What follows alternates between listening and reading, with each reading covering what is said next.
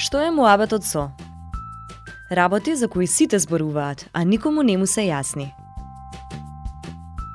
Што е муабетот со?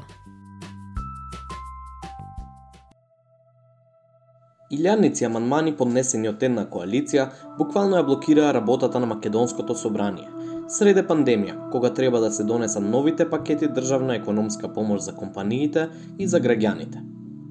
Луѓето целосно ни дават подршка иако се во тешка економска социјална состојба.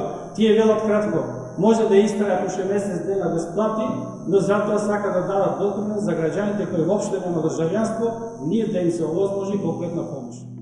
Ова е изјавата на пратеникот Скендер Реджепи од политичката партија Алтернатива. При крајот на минатата година, коалицијата Алијанса за албанците и Алтернатива во Законот за државјанство предвидува измени.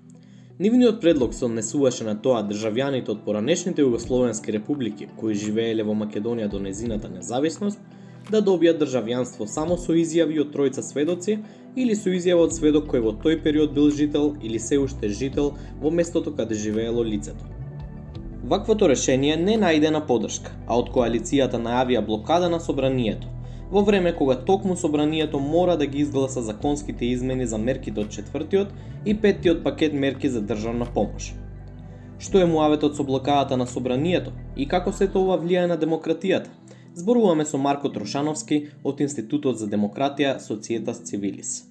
Значи, кога еден закон е во собраниска процедура, кога е во скратена постапка, тогаш има одреден рок во кој што мора истиот да биде донесен или кога е со европско знаменце, има рок во кој што мора да биде донесен и нема а, можности за за бескрено одлаговлекување. Кога е во нормална законска процедура, законски предлог кога ќе влезе на прво читање во собрание, различни страни може да дадат дополнување на тој закон, а, нели, сметајќи дека би требало подобро или на поинаков начин да регулира одредени прашања од а, кои што тој закон се стреми да ги регулира. Како што вели Трошановски, во демократски земји таквите амандмани се издржани и во насока на подобрување на самиот закон во интерес на државата. Кај нас пак, забележува, ваквата пракса е гротеска за дневно политички поени. Ова е преседан што се што се прави сега, блокирање на сите закони. Би, го, би рекол дека е политичко насилство врз највисоката институција, буквално, со, со блокирање на сите закони ако не се донесе закон кој што вие кој што не е по ваша волја. А, нели, а, тоа не сме да си го дозволи една демократија, нити пак гласачите треба да поддржуваат партии кои што именуваат овакви стратегии, поради тоа што најмалку нивниот интерес може да биде представен од партии кои што на ваков начин разбираат демократијата и јавниот интерес. Според Трошановски, моментално не постојат процедури кои можат да ја спречат ваквата појава. Да не се случи, ние мораме да, да ги спречиме овие појави преку деловнички интервенции кои што ќе ограничат времето а, за расправа по секој амандман, како и бројот на амандмани кои што реално може да се да се поднесат и после кои нема да може повторно да се поднесуваат нови амандмани за така за до бескрај да бидат изигрувани процедурите на системот и истиот да биде блокиран. Истовремено, тој посочи дека постојат и други држави кои ги имаат ограничено овие можности за така наречен филибастеринг, односно право на неограничена расправа по одредено прашање. Ова го сториле бидејќи ваквото право се покажало како контрапродуктивно. Во земји со силна демократска традиција, висока политичка култура, овој се овој оваа тактика се применува во крајна нужда и никогаш во насока на блокирање на целата институција се разбира.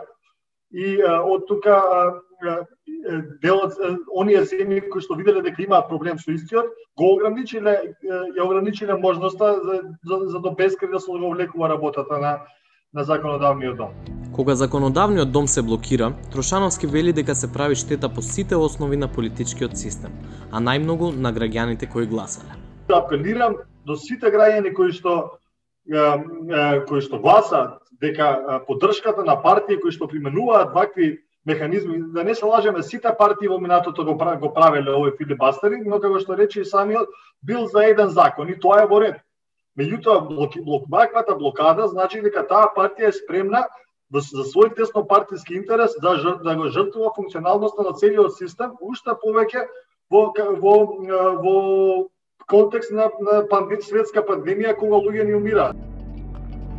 Ако се проложи со блокирање на сите други закони, поради тоа што законот за државјанство не поминал, Трошановски вели дека ризикуваме огромна политичка криза и влошување на меѓуетничките односи, потенцирајќи дека сето ова се прави намерно во пресред на локалните избори. Ги труве односите помеѓу етничките заедници во нашата земја само заради не, само заради позиции.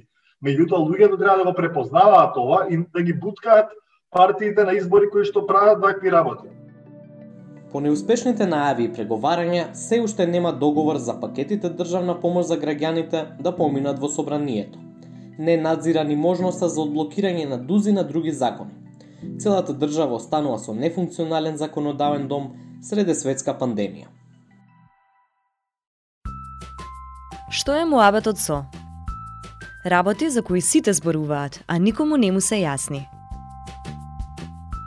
Што е муабетот со?